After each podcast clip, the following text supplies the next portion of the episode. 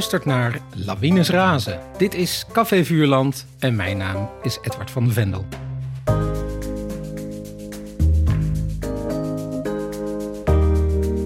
In deze podcast herlees ik klassieke kinderboeken met auteurs van nu. Hoe vers voelen de boeken nog? En wat voor auteur was er aan het werk? Dat en meer bespreek ik vandaag met schrijvers Janneke Schotveld en Koos Meinders.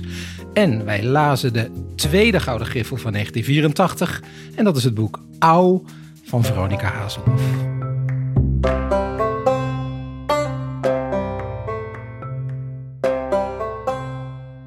Ja, Janneke en Koos, welkom. Dankjewel. We beginnen altijd met een soort van uh, schot voor de boeg, met een eerste idee. Janneke, heb jij een, uh, een eerste zinnetje? Ik vond het heerlijk om te herlezen. Dat is wel, dat is wel fijn. We gaan straks alle heerlijkheid uitpluizen. Koos? Ja, daar kan ik het alleen maar mee eens zijn. Ik had het boek al lang geleden gelezen, maar weer herlezen, zelfs een paar keer. En ja, ik heb genoten van het verhaal en de hoofdpersoon, Maartje. Nou, wat fijn. Goh, we beginnen positief. Nou, ja. Kijken hoe, hoe dat zich verder uh, allemaal vormt. Ik uh, wil jullie even voorstellen. Natuurlijk is dat niet echt nodig, maar goed voor, uh, voor de mensen die, die dat toch wel fijn vinden. Janneke, veel kinderen, denk ik, kennen jou van je serie Super Juffie. Begon in 2011, als ik het goed heb. En er zijn inmiddels negen delen uit, maar een tiende deel is aangekondigd. Klopt ja, toch? Dat ja. klopt. Ja, Super Juffie in de Storm. Je schreef in 2017 het kinderboekenweek geschenk Kattensoep. En je bent intussen ook bekend van vele andersoortige boeken. Waaronder de vrijzinnige, moderne, inclusieve bewerkingen van sprookjes en fabels. Onder andere in De Dappere Ritster. Je kreeg uh, destijds voor je debuut weer een ander boek. De Hotse de Roosprijs voor Super Juffie. Twee keer, als ik het goed heb, de pluim van de Nederlandse kinderjury. Een vlag en wimpel voor de kikkerbilletjes van de koning. En Onlangs kreeg je de kinderboekwinkelprijs voor je bijna laatste boek, De Eekhoorn legt een ei. Koos, wat grappig is, jij debuteerde in uh, hetzelfde jaar dat Auw uitkwam. Ja, 1983. Ik ben volgend jaar 40 jaar schrijvers. Ongelooflijk, maar ja. het is zo. Geweldig toch? Ja, Je let even ja. niet op. Ja, dat eerste boek was het boek mooi meegenomen. Ja. Nou, meer dan 30 boeken volgden, waarbij... Uh, in 2017 de Gouden Griffel voor jouw boek Naar het Noorden was. En je hebt ook nog een zilveren gekregen volgens mij voor De Man met de Zeegroene Ogen. Ja. Een paar jaar later. Andere grote titels van de laatste jaren zijn de... Nou, ik denk dat we toch wel kunnen zeggen licht autobiografische romans uh, Stapelbedbroers en De Zee zien. En verder kreeg je nog ook ooit een Edison en de Annie M. G. Schmid-prijs. Ja, ja, en ja. de Willem Wilming-prijs. En de Willem Wilming-prijs. Voor het kinderlied. En er is zelfs nog een basisschool naar je genoemd. Kijk eens aan. Nou, ik, ik mag dood. Nou, liever nog niet. Um, maar de auteur die we vandaag lazen is dus Veronica Hazelhoff. Zij leefde van 1947 tot 2009. Ze overleed relatief jong, ze was pas uh, 62. Ze had een ernstige vorm van reuma. Zij wilde altijd al schrijfster worden, maar ze ging uh, eerst een andere opleiding doen, zoals grafisch ontwerpster. En in 1980 debuteerde ze met een eerste verhaal. Dat was al meteen een verhaal over Maartje, die trouwens toen nog anders heette. Dat was in de, het tijdschrift De Tap Toe. En daaruit kwamen dus haar eerste boeken voort. Dat was meteen een trilogie. Die trilogie begint met Nauwmoe. Kreeg ze meteen een zilveren griffel voor. Tweede deel hier zo. En het derde deel Auw. Dat wij dus vandaag bespreken. In 1989 stapte ze van uh, uitgeverij Shalom over naar uitgeverij Querido. En daar volgden nog heel veel, vaak hele dunne, weet je, fijnzinnige titels. Zoals Veren wat de zilveren griffel kreeg en de Nienke van Hichtenprijs. En ook haar laatste boek, het schitterende, daar komen we misschien straks nog over te spreken, Bezoek van Mr. P. Waar ze ook weer een zilveren griffel voor kreeg. Dat had wat mij betreft trouwens absoluut goud moeten zijn. In 2009 overleed ze dus. Nou, we bespreken vandaag haar gouden griffel. Dat is Au uit 1983, maar in 1984 de gouden griffel. Er waren toen twee gouden griffels was het laatste jaar dat er twee tegelijk werden uitgereikt. Eén voor boeken vanaf negen jaar en één voor boeken vanaf twaalf jaar. Grappig genoeg hebben we in een vorige aflevering van Lawines Razen, in de vorige, hebben we de andere gouden griffel, Liefdesverdriet van Karel Eijkman, besproken. Maar Auw kreeg dus ook goud. Gaat over Maartje. Uh, en hier zo de voorgangers waren wat meer loszand, waren wat meer losse verhalen. Ging al vaak over dagelijks leven, over verliefd worden en zo. Uh, maar dit is een samenhangend, meer samenhangend verhaal. Dezelfde personages komen er nog wel in voor. Tim, belangrijke jongen in haar klas op wie ze verliefd is. En haar beste vrienden Bella en Eggy. Eigenlijk heet hij Egbert. Maar in verhaal Au gaat het eigenlijk al meteen over het ongeluk wat er eh, vrij snel in het begin gebeurt. Ze rent de straat over en belandt onder een auto krijgt een gecompliceerde beenbreuk, moet naar het ziekenhuis en daar moet ze een maand of twee blijven liggen. Daar gaat Maartje eigenlijk van eh, enorm tegendraads naar heel gemotiveerd. Niet in het minst door de vrouw die naast haar ligt, een heel belangrijke persoon in het boek is. Dat is eh, Agatha. Agatha, Ja. ja, de buurvrouw in het ziekenhuis die doodziek is. Maar dat heeft Maartje niet zo door. En die vrouw zelf is ook heel goedmoedig. En die houdt de moed erin en die zegt het ook niet. Nou, dat is een beetje de, de samenvatting. Janneke, anders dan het meestal gaat, als ik mensen vraag voor deze podcast, dan vraag ik ze meestal specifiek voor een boek eh, waarvan ik denk dat het misschien bij, eh, bij die persoon past. Maar hier ging het een beetje anders. ik vroeg jou, vind je het leuk om een keer te gast te zijn? En jij zei meteen, Ja, ja, maar dan wel. Althans, ja, nou ja, Nee, je, dat was daar, ik niet. Nee, je was daar ja, niet graag. richtinggevend in. Ja, graag. Maar wat dacht je van? ja, En toen kwam dit boek. ja. Nou, dat kwam. Ik heb iets van... Dit boek of Veronica nee. Hazelhoff? Nou, eigenlijk allebei. Ja. Maar ik heb iets van zes Hazelhofs in mijn kast staan. En dat zijn eigenlijk meer de latere boeken. En die heb ik als jongvolwassene veel herlezen. Maar door jouw andere afleveringen dacht ik... welk boek zou ik nou nu willen herlezen... wat ik vroeger echt ook veel heb gelezen. En dat waren deze drie. En die heb ik echt in al die... Nou, wat is het? 30 jaar? Meer? Niet meer herlezen. Dus ik was zo benieuwd. Wat leuk. Oh, je hebt ze dus alle drie als kind gelezen. Meerdere malen. Ik haalde Maartje voortdurend uit de biep als Oh, negenjarige. Ja. Ja.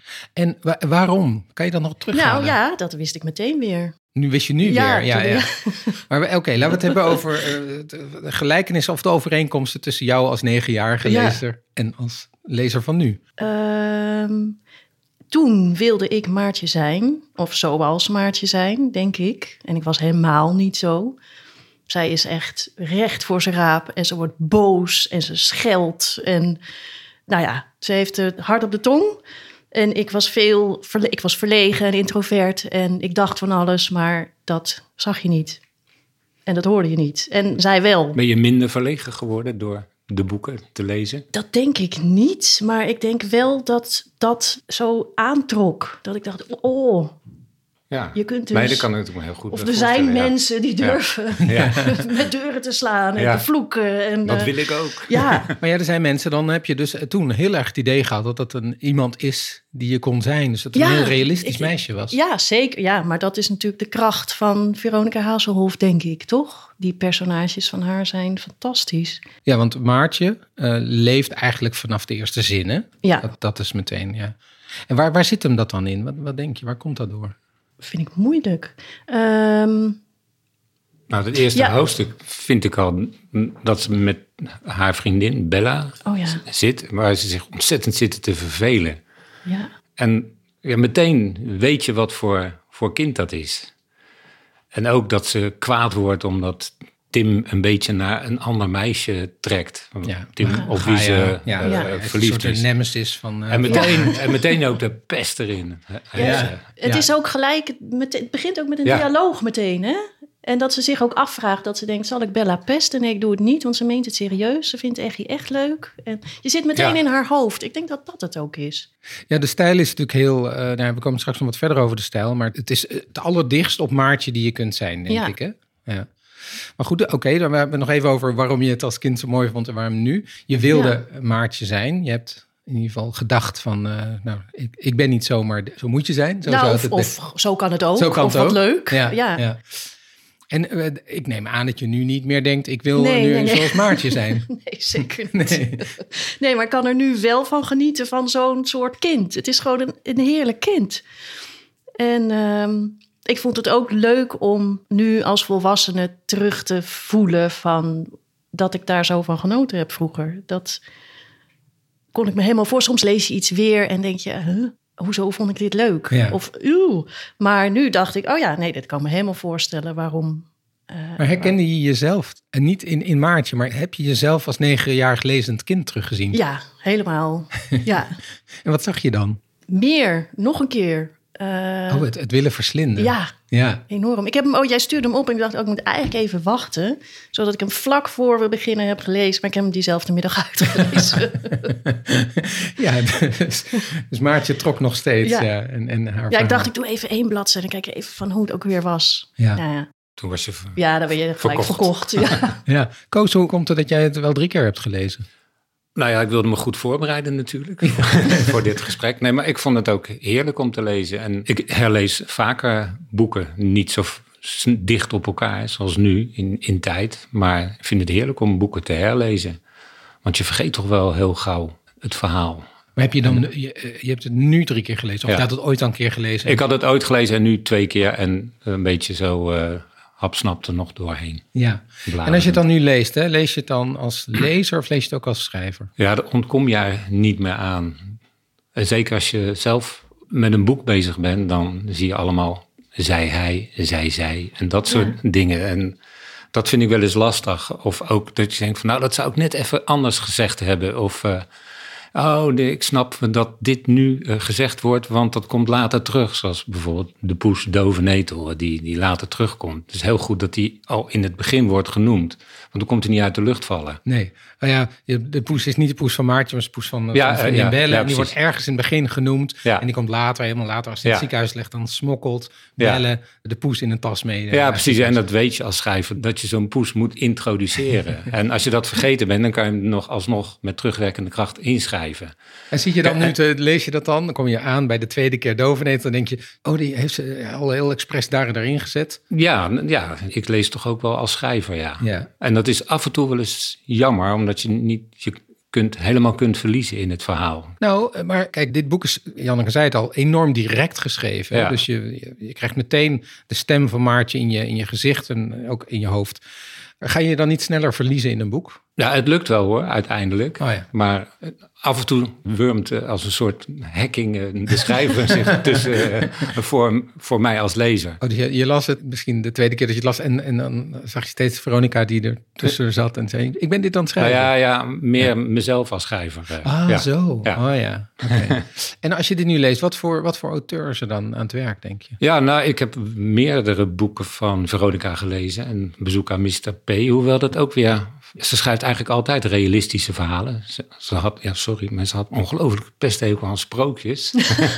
Ja, ze, daar, daar hou ik niet van. Eh, Vooral niet van, eh, omdat dan de oplossing van een probleem van buitenaf kon komen. Een toverstafje, ik noem maar wat. Of, eh, Dat vond eh, Ja. Veronica. Jij, zij jij, wilde- kende, jij kende haar. Nee, ja, ze woonde niet zo heel ver van mij vandaan, in Groenekan. Ik woon in Utrecht. En dat was een heerlijk eh, fietstochtje. Ik ging af en toe wel eens bij daar koffie drinken en dat was altijd heel gezellig. Nou, ja. Ja.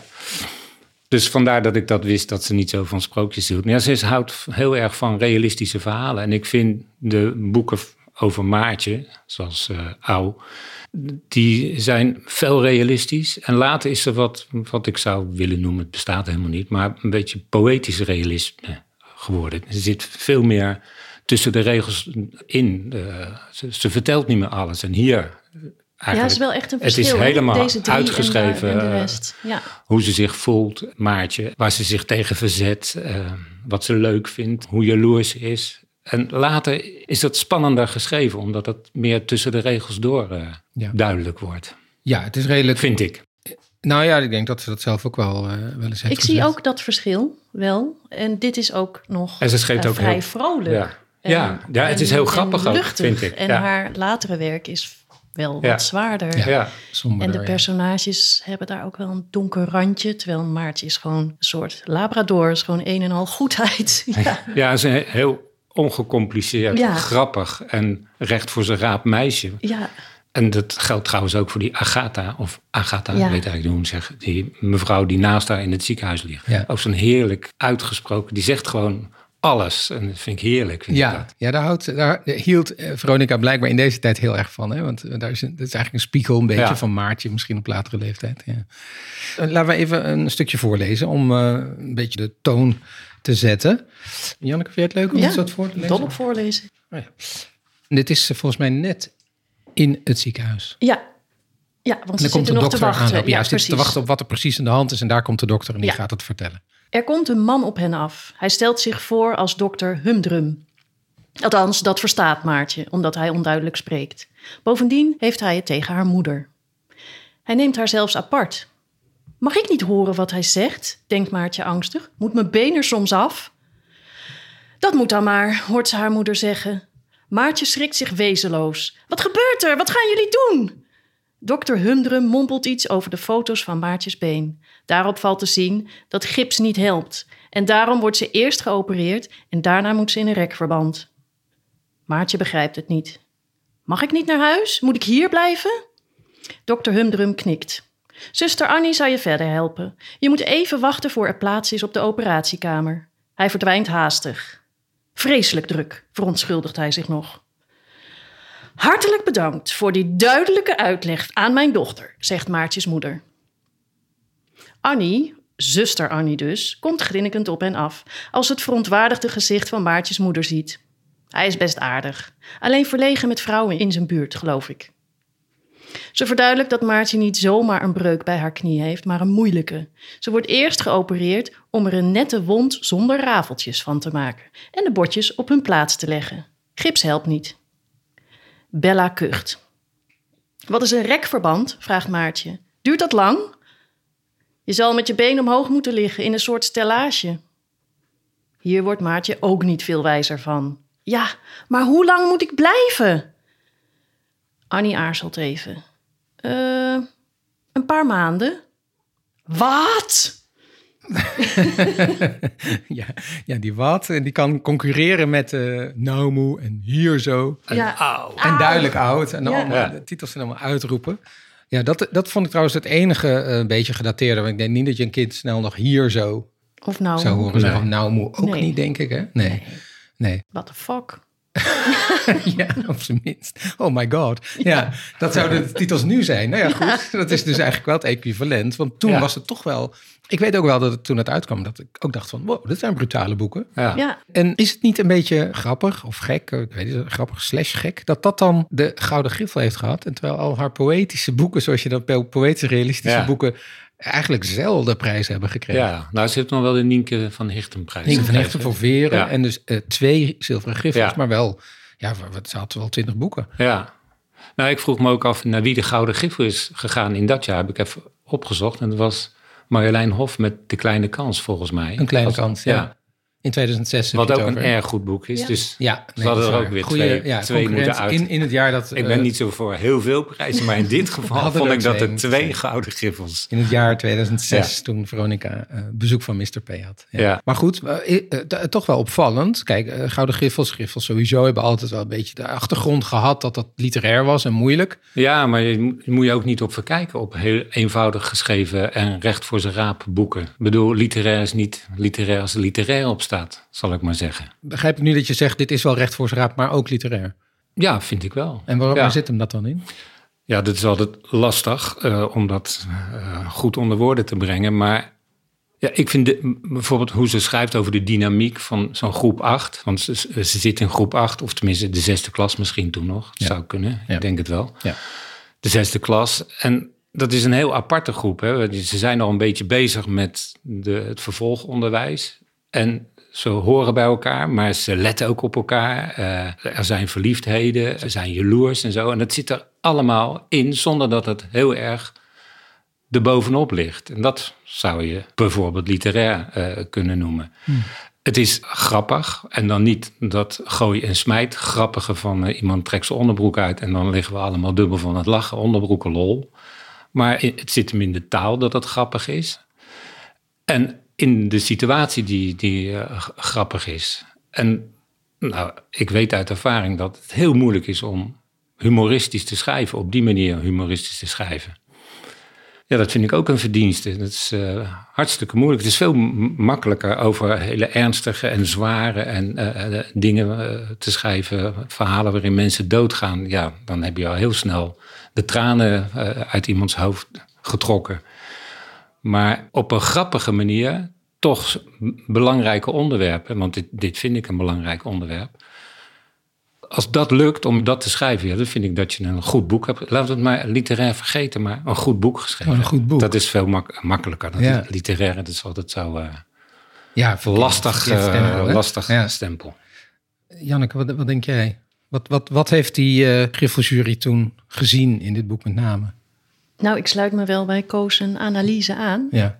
En uh, ik vroeg me ook af, was het misschien ook een beetje een andere tijd? Uh, want ik weet ook dat, komt ook door jouw vorige sessie, Henk Paranar heet hij geloof ik. Ja. Met de Marokkaan en de kat van Tante Da had hij niet ook een zilver of een gouden griffel? Ja, dat zeker, zou nu ook nooit meer Nee, maar ja, zo dat zijn. was dat alweer tien jaar Oh, dat daarvoor. was nog tien- ja, ja, oké. ja, dat was 1973. Ehm, dus dat vroeg ik me af. Maar verder, ja, wat jij zegt, het is luchtig, het is grappig.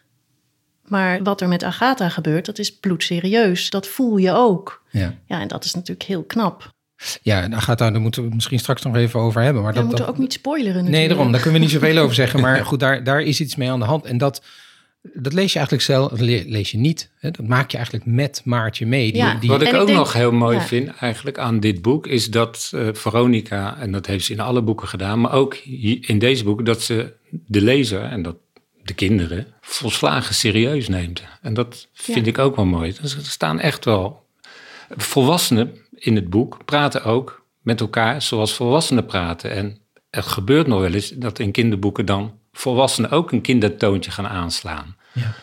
En dat heeft zij helemaal Nee, niet. echt totaal Z- eh, niet. Zelfs Nee. eh, heeft ze het niet over Maartjes mama, wat ik zelf ook altijd heel vervelend vind in, in, in kinderboeken. Maar de moeder van Maartje. Oh, ja. Ja. Ja. Ze zei daar zelf iets over in een interview. Ik vond, eh, ze is niet veel geïnterviewd, maar ik vond een, eh, een interview ten tijde van, eh, van de Gouden Griffel voor dit boek. En dat was natuurlijk de toen onvermijdelijke vraag: eh, wil je ook voor volwassenen schrijven? Ja. Misschien eh, komt die vraag nog steeds wel, maar. eh, nou, daar had ze dus niet heel veel zin in, zei ze. Hoewel ze misschien dacht om het misschien nog ooit wel te gaan doen, heeft ze niet gedaan. Um, en toen was de vervolgvraag: in hoeverre houd je er tijdens het schrijven er rekening mee dat, dat je voor kinderen schrijft? En toen zei ze helemaal niet eigenlijk. Behalve af en toe in mijn woordkeus. Maar wat de onderwerpen betreft, zeker niet. Ja. Dat sluit aan bij wat jij net Ja, zei, dat Koos. vind ik Ze zei, nou ja. En dan zegt hij iets heel grappigs. Ja, ik zal niet over geslachtsziekten gaan schrijven. Maar ja, dat doe ik voor grote mensen ook niet, zei ze. Dat vind ik een tamelijk oninteressant onderwerp. En dan zegt ze, dan vat ze eigenlijk dus al aan het begin van haar carrière haar hele schrijverschap samen. Ze zegt, ik zal altijd over liefde, dood, jaloezie, oftewel de oerdingen schrijven. Ja. Ja. Ja. Maar ik denk toch dat, dat oude heel erg gewaardeerd is door dat, met name dat aspect. Weet je, dat je echt denkt, hoe, dit is niet zomaar leuke episodes uit, eh, uit een leven van een kind, Nee. maar er, er gebeurt echt iets. er Er gaat wel gebeurt heel over, veel, ja. ja. En het is ook dat ongeluk is niet zomaar even, ach, je hebt een gebroken been, nou wat vervelend. Hè? Ja. Het is wel heel heftig. Ja.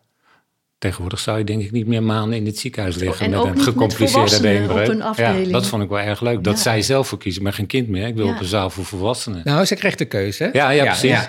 Ja. Daar zei Veronica trouwens van, eh, want er werd natuurlijk ook gevraagd, en in hoeverre is het autobiografisch? Nou ja, Ja. ze zei, ik heb, ik heb nooit met een, eh, met een beenbreuk in het ziekenhuis gelegen, maar ze was toen al, had Ja. ze al last van reuma, dus was toen al wel naar het ziekenhuis gegaan. En daar zei ze, heb ik ook gezien dat kinderen Ja. vanaf 12 zelf mochten kiezen of ze bij eh, de vrouw of Ja. mocht, op de zaal mochten Ah, liggen oké. of bij, eh, bij kinderen. Trouwens, tegenwoordig is sowieso gemengd, denk ik. Ik denk dat er geen vrouwen Dat zou best kunnen, ja. Zalen ik meer zijn, mannenzalen. Nee. Nou ja, goed. Maar, eh, Maar daarom merk je aan dat het het boek uit die tijd is. ja, En zoals de meester, die wordt Hans genoemd. Ja. Maar nu zouden we zeggen meester Hans. ja, ja. Maar daar merk je, en Humdrum is natuurlijk een verwijzing naar, eh, hoe heet dat, eh, Mick en Mak, die tv-serie. Oh, die ken ik niet dan. Ja, dat was het huisje van oma Tingeling. Het huisje van de vier windstreken. En daar woonden Mick en Mak.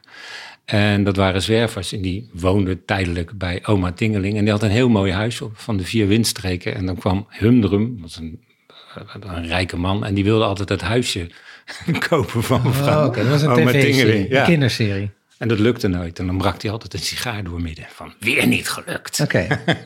Wij, kijken echt wij met zijn te te grote ogen te kijken. Ja. Of Eh, ik ben ouder, dat bedoel Ja, ik. dacht, zij, hij, hij, ze verstaat die naam niet en noemt hem Humdrum. Ja, Maar ik denk ja. niet dat dat toevallig is. Nee, dat zal. Dat Ja, zal uit, dat vind ik, wel, ik vond dat Ja. heel grappig. Maar dat komt omdat ik weer meteen ook die... eh, uit Veronica's achterhoofd. Donald Jones was een van de zwervers.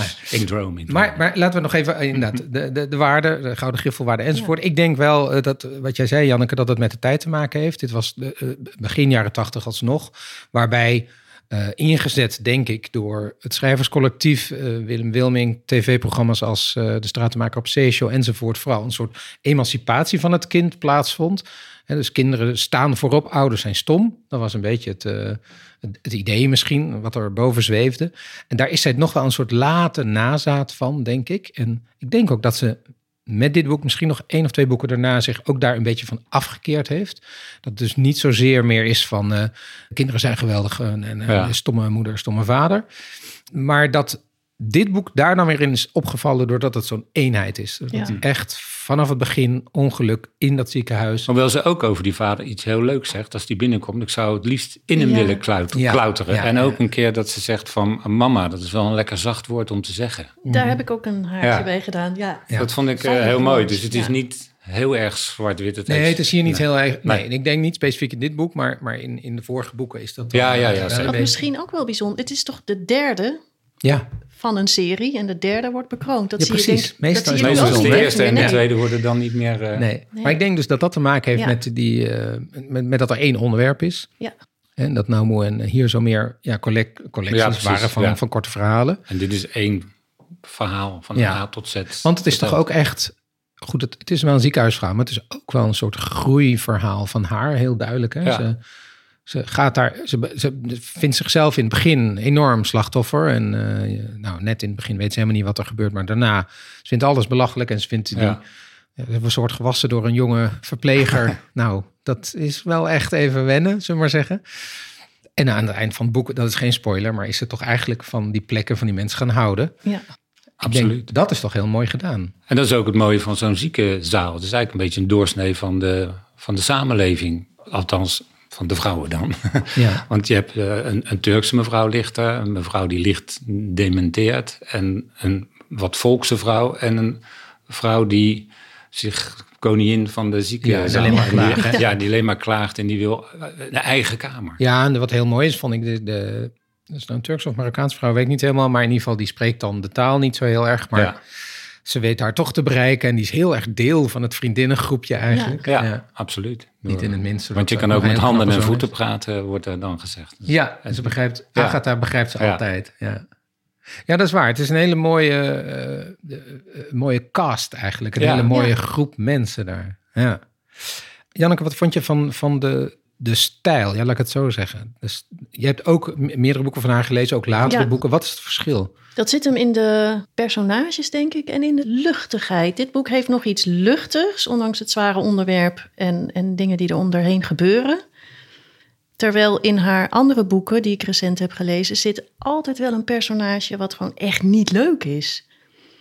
In, in Sneeuwstorm bijvoorbeeld las ik, daar zit een jongen, die heet Arthur, en die is gewoon stom. Of eh, dus ergens een moeder op die boot, nou weet ik even niet meer welk boek dat is.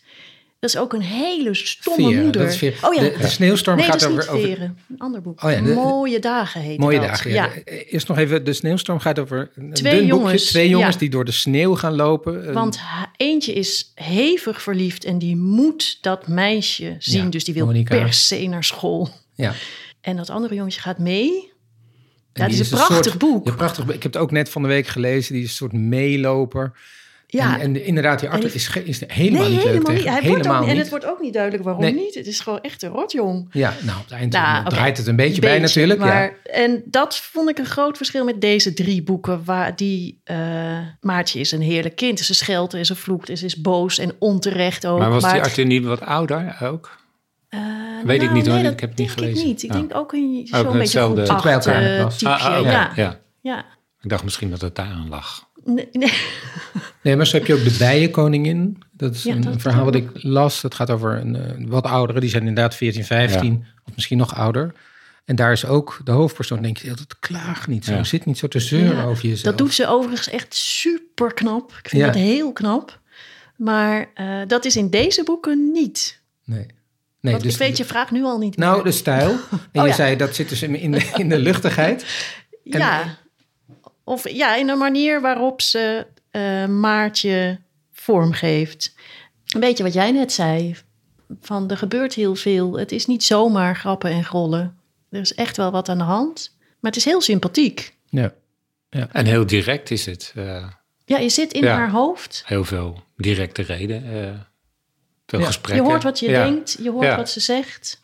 Je bent echt Maartje. En dat is in de latere boeken is dat minder, want het, is, eh, het heeft misschien ook wel met haar reuma te maken. Op het laatst moest ze echt met een eh, stokje aan haar vingers zo eh, de toetsen indrukken.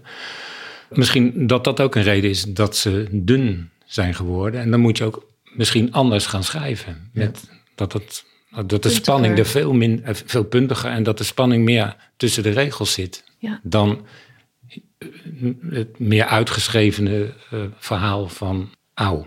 Ja, nou dat is zeker zo. Hè? Alle, al haar latere boeken zijn over het algemeen dunner. Ze noemden het ook novelettes. Novelettes, hè, noemden ze dat zo? Ja. ja. Ik heb een novelette geschreven. Ja, ja, sommige boeken Echt zijn echt heel dun. Hè? Ja. Dat is Ja. nog Heel 60 tot grappige 80 vrouw. pagina's.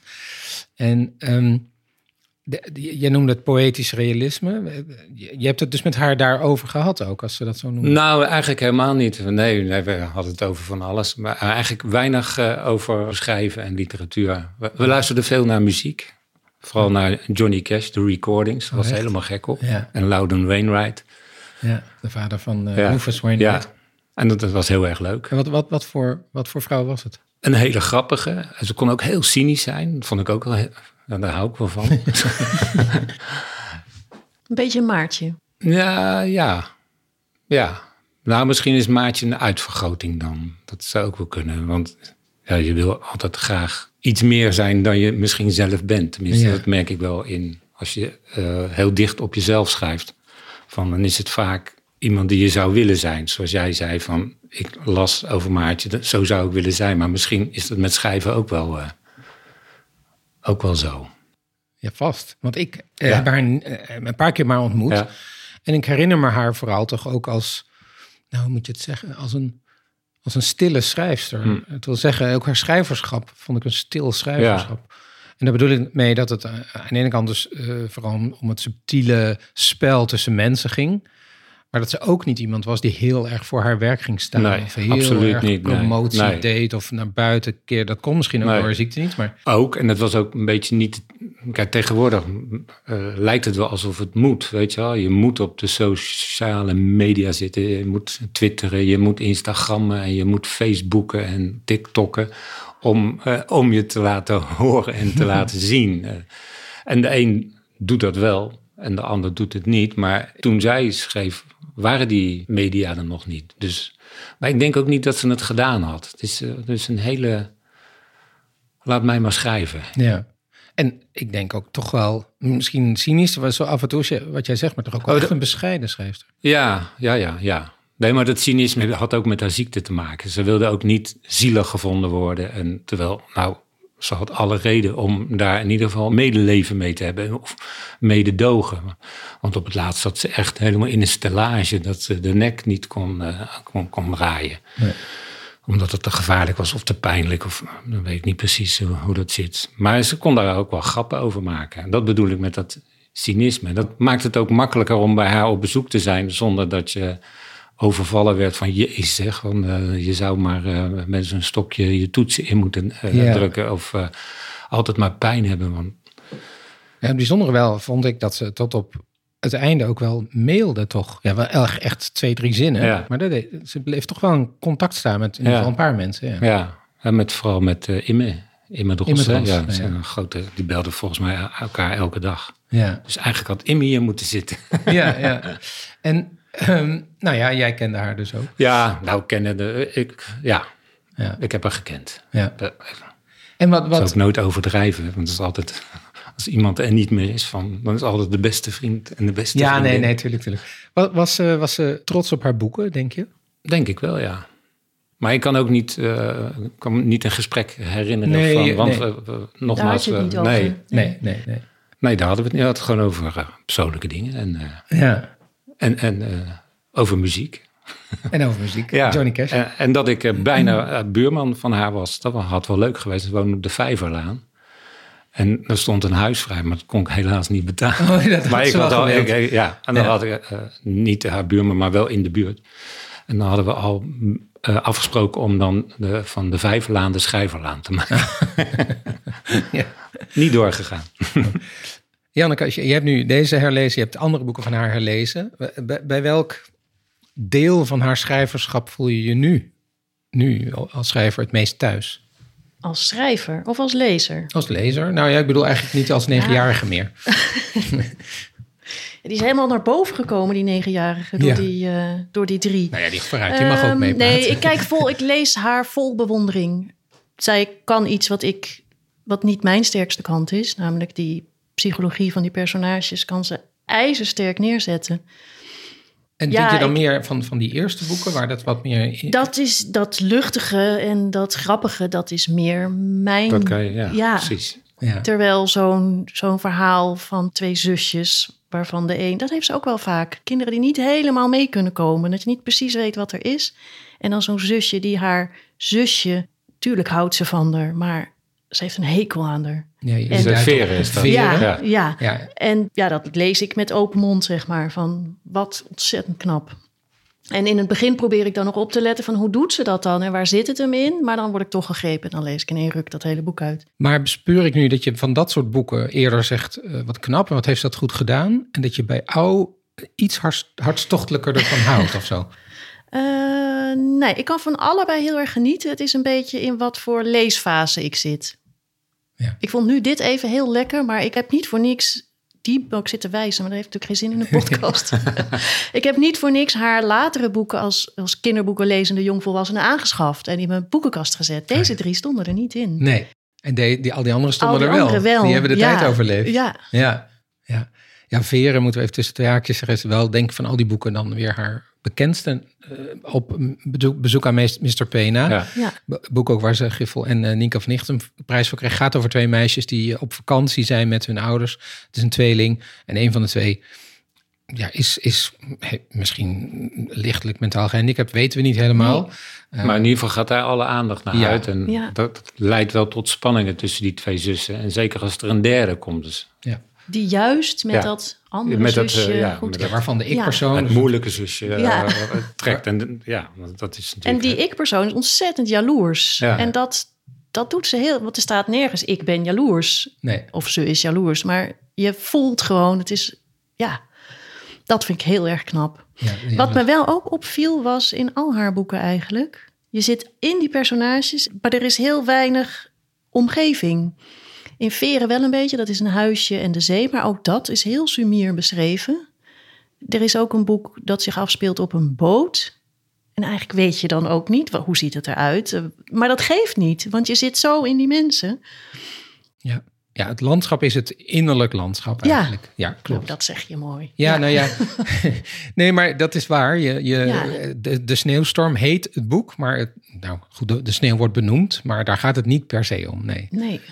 Het gaat om de, de vreemde mensen die ze dan toch nog weer ontmoeten in die sneeuwstorm. En ik ben zelf natuurlijk juist altijd heel erg van de omgeving en knusheid. En Ja. ja, Waarom zei je net van ja, dat, dat psychologisch is zij zo goed en daar ben ik minder goed in? Maar, omdat dat zo is.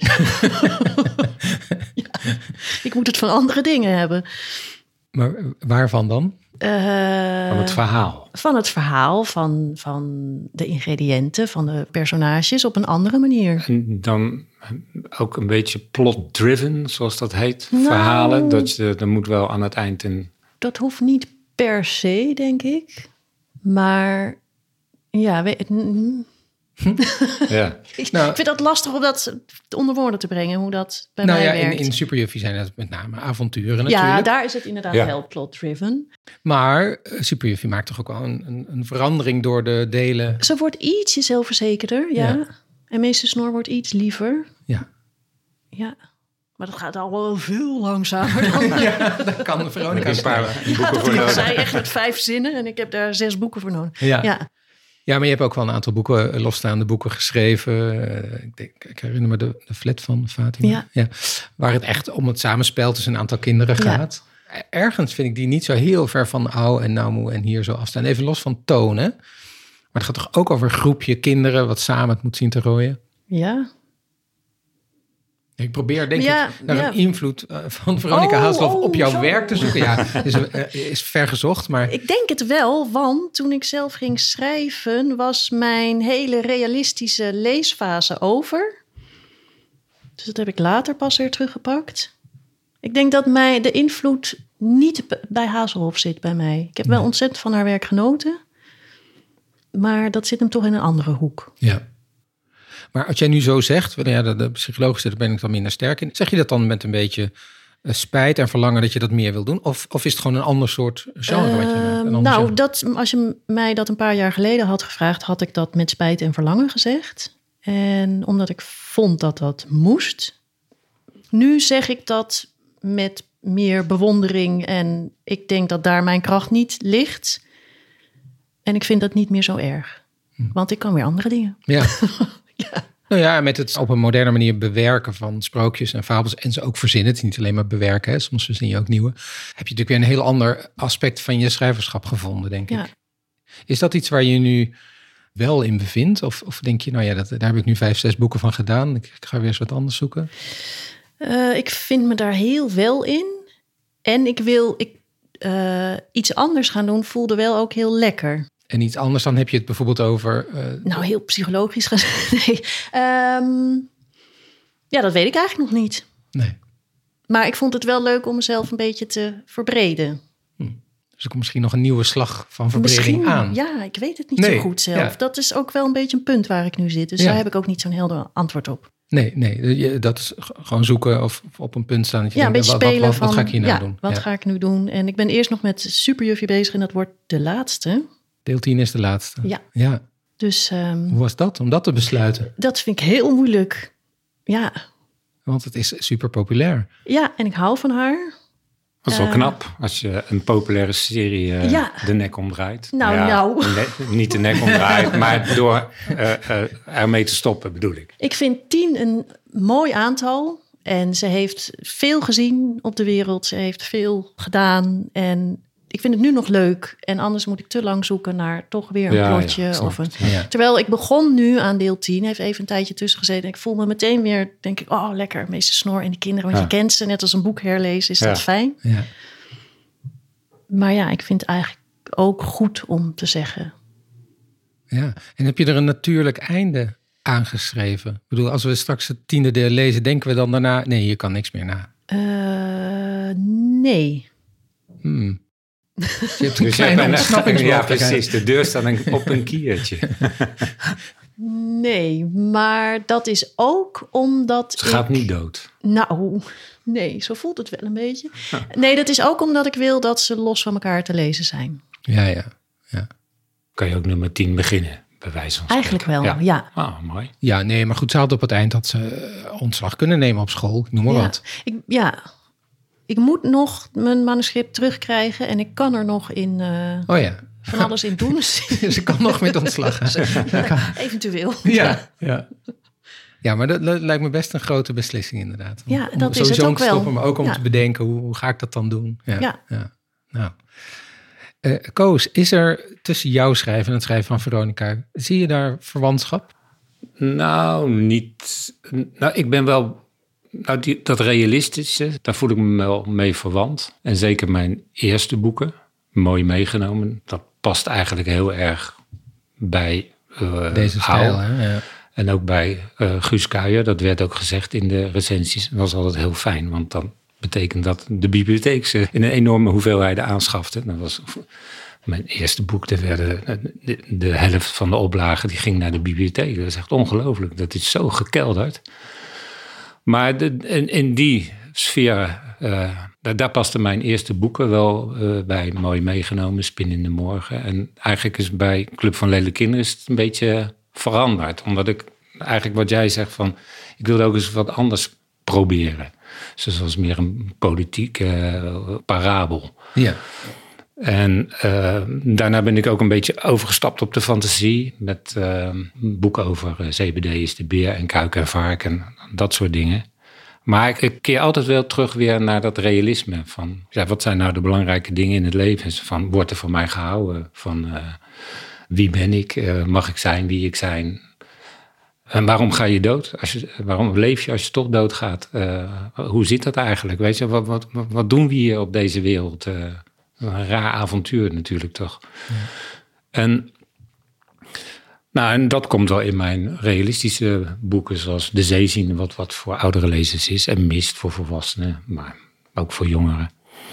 En Stapelbedbroers ook, hoewel dat wat meer grover is. Maar dat had ook te maken dat ik een keer uh, wat een ander milieu wilde beschrijven dan waar vaak kinder- en jeugdboeken over gaan. Dat zijn toch vaak de Merels en de Fleurs en de, de Lucassen. en ik wilde een keertje gewoon lekker uh, arbeideristisch. Uh, arbeideristisch, ja. Ja, waar, waar ik zelf ook uh, vandaan kom. Ja. Uit zo'n hele gewoon straatje met hele gewone mensen. En. En, Loos, en die heel soms grof tegen elkaar doen. Maar als het, als het erop aankomt, staan ze voor elkaar klaar. Ja, met een hoop kinderen. Ja, met een hoop kinderen. Ja. In, in stapelbedden inderdaad. ja, precies. Maar uh, Koos, hoe qua verwantschap dan? Hè? Um, als we het nou heel, als we echt een beetje van veraf kijken, dan zou je dus kunnen zeggen dat, dat er de eerste boeken van Veronica, dat die naast de uh, Griffel, ja. maar dat die toch ook heel erg geliefd waren bij kinderen. Bij de negenjarige Janneke, maar bij zoveel andere kinderen. Was best populair toen die serie. Ja. Daarna heeft ze nog een aantal van dat soort boeken geschreven. Kinderkamp Utopia, Heibel, ja. Ster, uitroepteken. Dus echt wel ja, populaire onderwerpen eigenlijk. En ze is helemaal naar de, een beetje naar de verstilling gegaan. Ja. Waarmee ze eerder misschien, laten we zeggen, bewondering van volwassenen. Ja, zeggen, dat is een beetje te groot gezegd.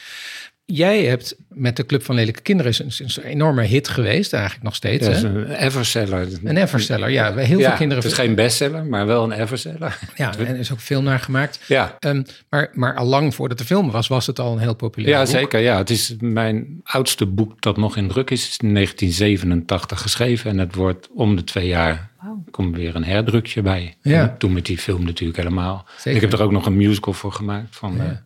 Maar hoe is het dus om in een, in een bepaalde tijd van je schrijverschap heel populair te zijn bij heel veel kinderen? Ja. Later ben je ook populair, maar eerder bij volwassenen. Ja, dat is misschien wel vergelijkbaar met eh, Veronica eigenlijk. En ja, ik weet niet, dit is ook een beetje een ontwikkeling die ik natuurlijk zelf in gang heb gezet en waar ik wel tevreden over ben. Maar waarom? Was dat lastig voor je? Dat het, eh, gaf het een druk? Nee hoor, helemaal niet. Nee hoor. Ik wil wel eens andere dingen proberen. Want ik, ja, ik schrijf eh, eh, gedichten, ik schrijf voor hele jonge kinderen, ik schrijf voor volwassenen, ik schrijf liedjes voor theater. En dat vind ik eigenlijk, soms vind ik het heel vervelend. Zou ik liever één, ja, hoe, hoe zeg je dat? Een bepaald soort boek, Ja, altijd één, een boek voor altijd, 12 plus, ja, waar dan iedereen op zit te wachten. Ja. En eh, daarom ben ik ook een beetje ongrijpbaar, ook voor eh, de, de uitgevers en ook voor de lezer. Want ik heb, behalve dan dat ik een aantal boeken over kuik en vark eh, heb geschreven, ben ik nooit van de series geweest. Ik wilde eigenlijk van meteen iets anders, want ja, dat heb ik al een keer gedaan. Ja. Dus het is ook meer voor mezelf dat ik kijk of, of ik dat ook kan. Wat voor plek heeft dan de waardering, en dan bedoel ik twee soorten Ja. waardering. Dus niet alleen maar de Club van Lelijke Kinderen, maar ook bijvoorbeeld de Gouden Griffel die je voor naar het Ja. kreeg. Hoe belangrijk zijn die waarderingen dan voor je werk? Ja, dat is, vind ik wel heel belangrijk. Ja, iedereen, tenminste, ik ben in ieder geval, laat ik voor mezelf spreken, eh, wel gevoelig voor een schouderklopje. Ja, En een gouden gif is een behoorlijke schouderklop. nogal. Ja. Ja, En ook een opname in een lijst van, van grote namen Ja. over de tijd heen. zeker, ja. Daar ben ik niet eh, ongevoelig voor. Dus hoe, hoe belangrijk was, was 2017 voor je werk dan? Wat, wat is er daarna bijvoorbeeld veranderd daardoor? Nou, ik weet niet of er veel, of ik veranderd ben in de manier waarop ik schrijf. Of dat ik wist van, oh, moet het zo? Weet je, van zo ga ik het doen. Nee, eigenlijk niet. Nee. Dus ik weet niet of dat zo bepalend is geweest. Maar het, was dat- alleen, eh, eh, eh, wat ik heel erg leuk vond in die tijd, is, in de, toen ik die gouden griffel vond, dat heel veel mensen mij, het mij gunden. Dat vond ik heel erg leuk om te merken. En dat vind ik altijd een beetje raar, dat mensen zeggen, volkomen terecht, weet je wel, want alsof ze alle boeken uit dat jaar hebben gelezen. Dus het is een beetje een rare uitdrukking, maar ik heb het opgevat als van, ik waardeer eh, jouw boeken en leuk dat, je ze, dat het ook eens een keer door een griffeljury eh zo gezien is. Ja. En, en ja, dat vond ik geweldig. Ja, maar er was, eh, er was duidelijk een, een team koos. Dat was, Ja, ja dat precies. ja. En dat, dat is heel leuk om te merken. Ja. Kijk, jij schrijft ook eh, stukjes overdenkingen, korte overdenkingen Ja. eigenlijk op je website. En daar schreef je bijvoorbeeld nu over de kinderboekenweken... dat je best verrassend vond dat je een aantal jaren naar je Gouden Griffel Oh, geen Ja, ja. uitnodiging hebt gekregen Ja, dat vond ik inderdaad wel verrassend. En aan de andere kant denk ik van... Het ligt ook een beetje aan mezelf. Ik zit er niet meer achteraan. Weet je, ik ga ook niet meer bellen van hoe zit dat? Of ik ga ook niet meer op de website van eh, ik ben dan en dan beschikbaar. Dus ik wacht het wel af. Maar eh, dit jaar was het wel nou, gewoon niks. Zo heel stil, Ja, ja. Eén, één Ja. optreden, maar op de school die naar jou En vernoemd ik, is. Ja, precies. En dat doe ik altijd. naartoe, dat doe ik. En dan ga ik, dat doe ik gratis natuurlijk. En toen dacht ik, waar zou dat nou doorkomen? Ik, eh, geen idee. Ik ben niet eh, minder gaan schrijven. Of, eh, maar misschien is het ook wel van de jonge honden kloppen aan de deur en voorkomen terecht. En kom maar binnen en eh laat zij het maar doen. En ik heb het ook heel veel gedaan. Dus ik heb het ook wel een beetje afgehouden. Dat ik ook alleen maar de leuke dingen deed. Of ik wilde op een gegeven moment dacht ik van nou, nou hou ik helemaal mee op. Omdat het ook financieel niet meer nodig is. Ik bedoel, voor heel veel schrijvers is dat eigenlijk de basis waarop je bestaat. En die royalties, nou, dat is een soort eh, extraatje. De lezingen, de betaling voor de De- lezingen, daar ja, moet je je ja, precies, vandaan ja. halen. Ja. En voor mij is dat niet nodig, want ik krijg eh, AOW. Ja, ik geloof het zelf ook nog steeds niet elke, elke maand, maar het is zo. En dat geeft rust om te schrijven. En dan hoef je niet, wat, wat ik wel in vroeger jaren gedaan heb, van nou, ik heb er eigenlijk geen zin in, of ik zit net midden in een boek, maar laat ik het maar doen, want ik heb toch geld nodig, want de schoorsteen moet roken. Dus ik heb, heb het zelf ook wel afgehouden. Toen heb ik op een gegeven moment eh, had ik met mijn broer Aad over. Daar bespreek ik altijd alles mee op het gebied van literatuur lezen en, en mijn boeken. Zijn van eigenlijk Directeur van het Literatuurmuseum. Ja, en, en Ja. misschien moet ik er helemaal mee stoppen. En hij weet dat ik elk jaar een rondje Utrecht doe. En hij zei, ja, maar daar moet je mee doorgaan. Want dan kom je met kinderen in dan heb je terecht aanraking. lezingen met eh Ja, precies. kinderen En, van groep 5. Ja, dan kom je in een buurt als Overvecht, Kanalen, Eiland, Zuilen. En die, die hebben geen boeken thuis, of over het algemeen dan. En die zien nooit een schrijver. En daar kan je het verschil maken. En toen dacht ik van, daar heb je eigenlijk helemaal gelijk in. Die scholen, daar ga, wil ik nog wel naartoe. Ja, die, die blijf je doen. Ja. En het project, dat is door het hele jaar heen. is niet specifiek in de kinderboekenweek. Nee, nee, nee, dat is door het hele jaar heen. Ja. Maar dus eigenlijk gaat het over een, eh, een, een, een niet-publiek schrijverschap ja. Tegenover een publiek schrijverschap. Jij zegt, eh, het is niet meer zo nodig. Ik ben daar misschien een klein beetje uit teruggetrokken. Ja, het, het, het, ik- het- het komt ook door mij, zal ik maar zeggen. Ja. ja. En dat eh, was bij Veronica noodgedwongen ook, maar Ja. sowieso ook door haar persoonlijkheid. Ja. Sowieso altijd al een Ja. niet-publiek schrijverschap. Ja. Vandaar ook dat we weinig interviews kunnen terugvinden. Janneke, bij jou is dat denk ik anders. Volgens mij heb je, ben je, besta jij ook in veel hoofden van kinderen als persoon die superjuffie schrijft. Ja, ze hopen altijd dat Superjuffie komt. En dan, Ben jij het? nou ja, dan ben ik het. Er komt gewoon een mevrouw binnen. En dan zie je echt, ja, jammer. Eh, ja, nee, ik doe nog veel schoolbezoeken. Eh, ook dat rondje Utrecht, Ja, onder ja. andere. Ik probeer het wel een beetje te beperken, want het vraagt veel energie. Maar ja, het is ook een fijne bron van inkomsten. En is het alleen een bron van inkomsten of, of eh, bepaalt het ook iets voor je, voor je boeken, voor je schrijverschap? Als ik het niet te vaak doe, vind ik het ook leuk voor mijn schrijverschap om sowieso om met kinderen over boeken te praten en om met kinderen in gesprek te zijn. Als ik het te veel doe, dan zit het het in de weg. Dan vind ik mezelf ook niet meer leuk en mijn eigen praatje. En kinderen vind ik dan ook stom. dus, Dat is allemaal wurgkandidaten.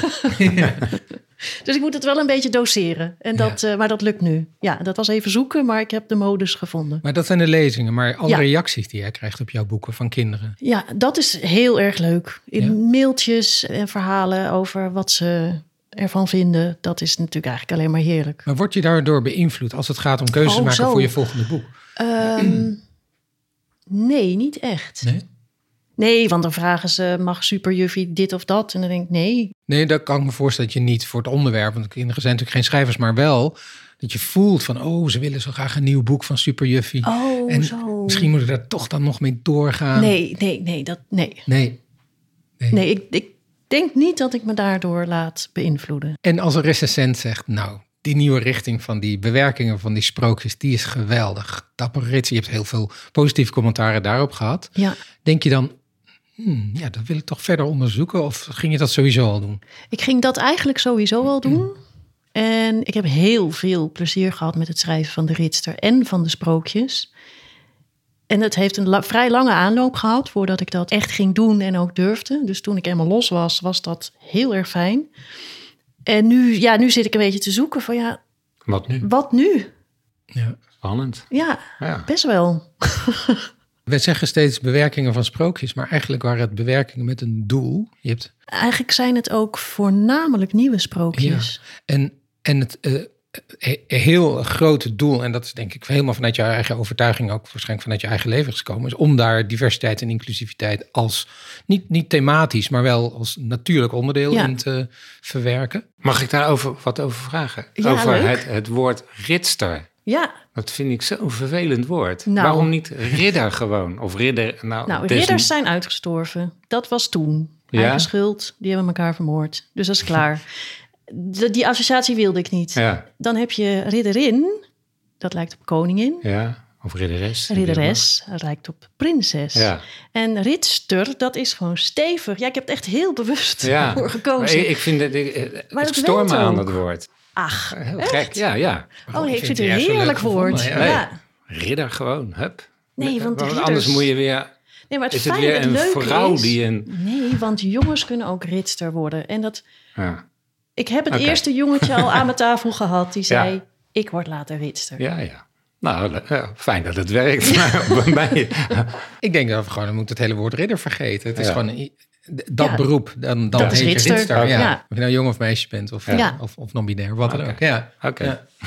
Nee, oké. maar er is ja. over nagedacht. Ja, nee, heel goed. En het is wel een beetje een hard woord natuurlijk. Ja. Ik snap wel je... Maar ik vond het wel passen bij Maar ik vind het ook niet zo'n mooi woord. Het heeft er ook wel mee te maken. Ridster. Ja, ridster. Ja. Ja. ik vind het lekker. Ja, Ja. nee, ik vind het wel Ook, lekker. ik vind het zo leuk eraan dat het een soort overtreffende trap is. Ja. Je kan ridder zijn, maar je kan veel beter ridster zijn. Ja. Ah, oké. Ja. En- Ook dat nog, ja. Ja, we Oh. proberen We jou, gaan- eh, dit te veranderen in jouw hoofd. Ik weet niet Ja, of het lukt, maar- nee. Nou Nee? ja, misschien morgen. Als ik wakker word. Nou, er zit toch wel wat in. Ja. We, gaan, we, gaan, eh, ja, we moeten een beetje afronden. Ehm, laten we nog een kleine eh, blik op, op dit prachtige oeuvre van Veronica Haasloff eh, werpen op het einde. Eh Koos en ik hebben onze grootste liefde al verklaard aan bezoek van Mr. P.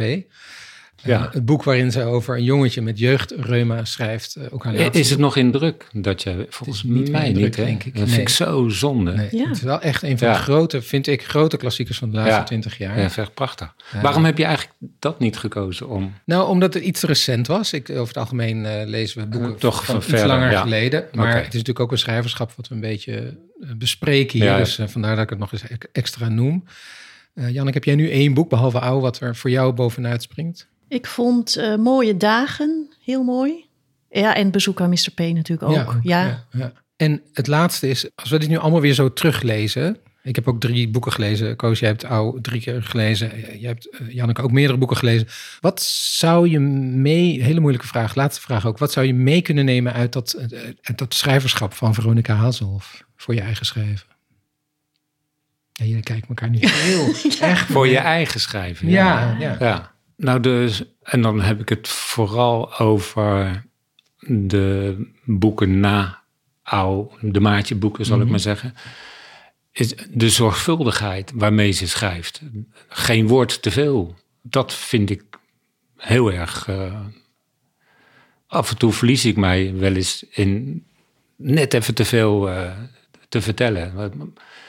En zij schrijft heel kaal. En dat, dat Ja. vind ik mooi. En daardoor heel spannend. En dat probeer ik ook wel in mijn verhalen. Het boek wat misschien nog het dichtst daarbij ligt... is eh, mijn boek over Keizer.